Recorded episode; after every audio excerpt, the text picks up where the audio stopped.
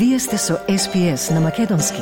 Слушнете повеќе прилози на sps.com.au козацрта на Седонин.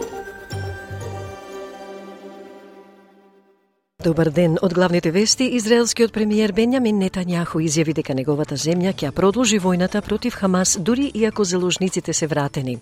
Министерот за климатски промени Крис Боуен вели дека Австралија ќе се залага за посилни исходи за ублажување на конференцијата КОП-28 следната недела. Генералниот секретар на НАТО Јенс Столтенберг денеска во Скопје ќе ги пречека лидерите на НАТО од регионот и во фудбалот Австралија ја победи Палестина со 1 спрема 0 во Кувајт во квалификациите за светското првенство Państwo.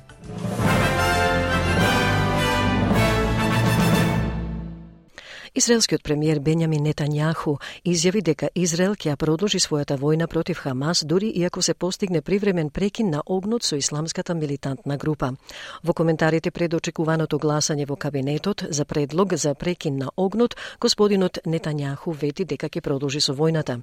Тој исто така му се заблагодари на американскиот председател Џо Бајден за неговиот удел во договорот да вклучи повеќе заложници и помалку цени.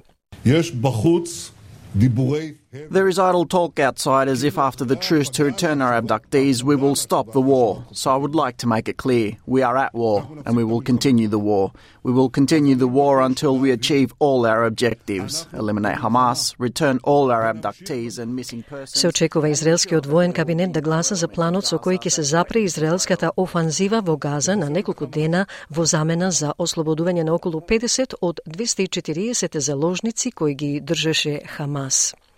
Премиерот на Нов Јужен Велс, Крис Минз, ја пофали работата на државната полиција за одржување на редот за време на голем број пропалестински протести низ целата држава, истовремено осудувајќи ги инцидентите што се случија на 21 ноември во Порт Ботани.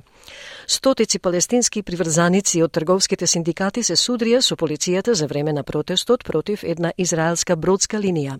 Полицијата соопшти дека 23 лица биле уапсени на неовластен собир со обвинение против нив за непочитување на движење во насока и оштетување или нарушување на голем објект. Господинот Минц објасни како полицијата дошла да ги изврши апсењата. There's a couple of things that the public do need to understand. Firstly, the protest went mobile. Secondly, they occupied a street without uh, lodging a Form 1 declaration. Thirdly, there was a lawful police order given to the protesters to move on. And it was only after ample time was given to the protesters to leave the roadway and allow commerce to transact in that port were arrests effected. Министерот за климатски промени Крис Боуен вели дека Австралија ќе расправа за посилни исходи за ублажување на конференцијата за климатски промени на Обединетите нации за 2023 година или КОП-28 која ќе се одржи во Дубај следната недела. Господинот Боуен вели дека сака предстојната конференција да биде амбициозна наместо едноставно да се одржува статус кво.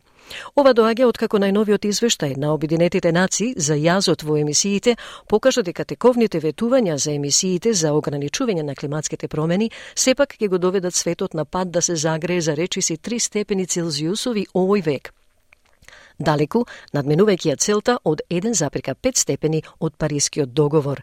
Господинот Бауен вели дека Австралија ќе подржи тројно зголемување на глобалниот капацитет за обновливи извори. We need to stretch our country's efforts. In Dubai, we will again be arguing for a strong position and stronger mitigation outcomes. We want this COP to be about stronger practical outcomes, not just maintaining the status quo. We'll also be supporting a tripling of global renewable capacity and a doubling of global energy efficiency efforts. Двајца ученици подложени на антисемитско малтретирање во едно државно училиште во Викторија го отфрлија јавното извинување на оделот за образование, нарекувајќи го лажно. Петмина поранешни студенти од средното училиште Brighton Secondary College ја судеа државата, училиштето, двајца наставници и директорот Ричард Минек во Федералниот суд минатата година и добија повеќе од 500.000 долари во компензација. Главниот судија Дебра Молтемер откри дека еврејските ученици не биле заштитени од малтретирање, дискриминација и небрежност, вклучително и графити со свастика во училиштето. Еден од петте студенти, Мат Каплан, вели дека доаѓањето до правдата преку државните системи било тешко и понижувачки за инволвираните студенти. After hearing the apology today, the words that were said were cheap. They were still protecting the state after three and a half years and the winning of a lawsuit. I wrongly thought that after all this time, the state would finally do the right thing. However, I was wrong. Стотици домородни медиумски радиодифузери, репортери и раскажувачи се собраа во земјата, Намбри и на Нанеуал во Камбера на медиумската конференција на првите нации за 2023 година насловена Converge. Министерката за домородни прашања Линда Берни и новинарот Стан Грант се меѓу личностите од висок профил кои ќе се обратат на тридневниот годишен самит под наслов Our Media, Our Voice, нашите медиуми, нашиот глас. Господјата Берни го искористи своето воведно обраќање како подсетник на референдумот за домороден глас до парламентот, велики дека неговото отфрлање предизвикало длабока повреда, но дека исходот има и своја утешна перспектива. What I'm seeing more and more from our people since the referendum is the use of the terms justice and the use of the terms truth telling. And that to me is incredibly powerful. Главниот говорник Стан Грант зборуваше за расизмот што го наруши периодот пред референдумот, велики дека новинарството е дел од проблемот. When we ask this nation with love to walk with us, when we ask that we be recognised in a constitution that does not explicitly recognise us, when we said that we asked for a voice to speak to the most impoverished and speak for the most impoverished and imprisoned people in the country, we were the ones accused of being divisive. Во вести од Македонија, генералниот секретар на НАТО Јен Столтенберг вчера пристигна во дводневна посета на Скопје. Тој попладнето имаше средба со македонскиот премиер Димитар Ковачевски, на која присуствуваа и министрите Бујар Османи, Славјанка Петровска и Оливер Спасовски. По средбата беше одржана заедничка пресконференција на која Ковачевски во однос на руското влијание во регионот рече дека нема закана за безбедноста и за стабилноста на Македонија. Столтенберг истакна дека НАТО не гледа воена закана од Русија против било кој сојузник на НАТО или на целиот регион, а синоќа се обрати во Македонското собрание прв пат откако Македонија е членка на НАТО. Тој зборуваше за придобивките од членството на Македонија во Алијансата, како и за можните придобивки од членството на Македонија во Европската Унија. Посетата на генералниот секретар на Алијансата на Македонија е во рамките на неговата 4-дневна посета на Западниот Балкан. Господинот Столтенберг денеска во Скопје ќе ги пречека лидерите на членките на НАТО од регионот.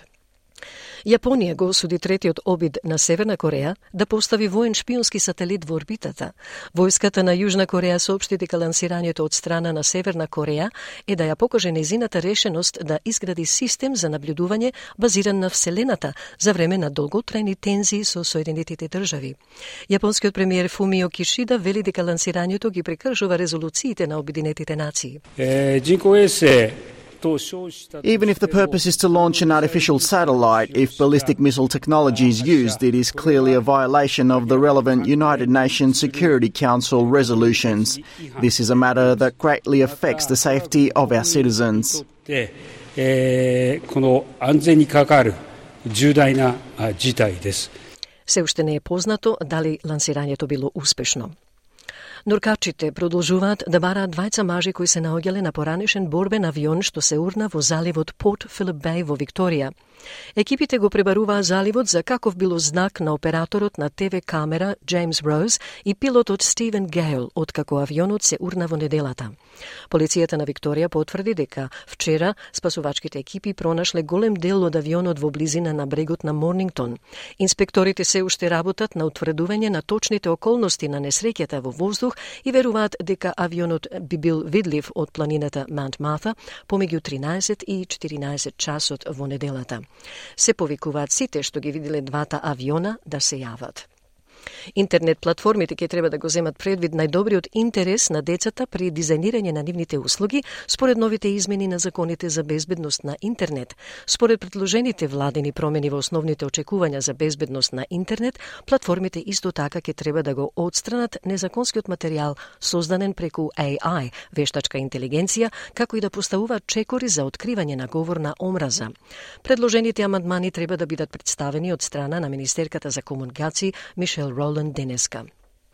Нов бран на случај на COVID-19 ја погодува земјата, додека експертите ги предупредуваат луѓето да бидат во тек со своите вакцини со приближувањето на празниците.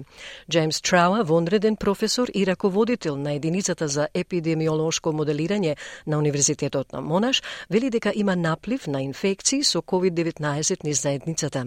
Професорот Трауа вели дека вакцинацијата останува најважната одбрана против високо заразната болест. COVID-19 сега е ендемичен вирус што значи дека не може да се елиминира и континуирано се пренесува. И во фудбалот Socceroos ги удвои своите победи во квалификациите за светскиот куп на ФИФА за 2026 година, откако ја се Палестина со 1 спрема 0 во Кувајт. Единствениот гол на средбата го постигна Хари Сута, кој успеа да го претвори ударот на Крейг Гудвин во гол со глава во корнер по само 18 минути игра. Австралиците сега имаат 6 бода од првите два надпревари и со нетрпение го очекуваат следниот надпревар против Либан на 21 март. Тренерот на Socceroos Граем Арнолд во изјава изјавата за каналот 10 ги пофали палестинските играчи истакнувајќи го значењето на трите поени. Yeah, Palestine, uh, we're going to come out that type of energy, that type of work rate and fight, and you've got to give full uh, credit to Palestine. Probably we didn't play our best, but uh, most important thing was the three points. Дел од исплатите на надпреверот се донирани за хуманитарни цели во Газа.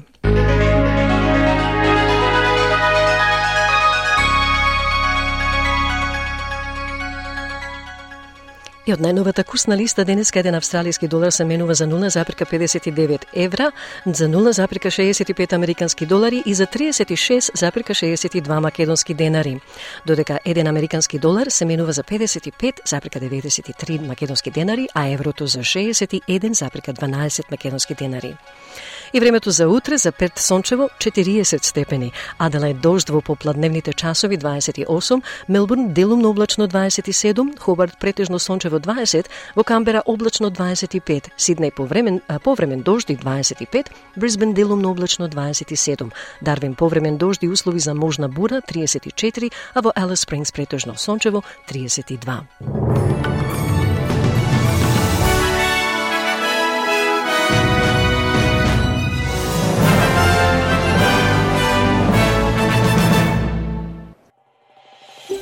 Сакате ли да чуете повеќе прилози како овој? Слушате подкаст преку Apple Podcasts, Google Podcasts, Spotify или од каде и да ги добивате вашите подкасти.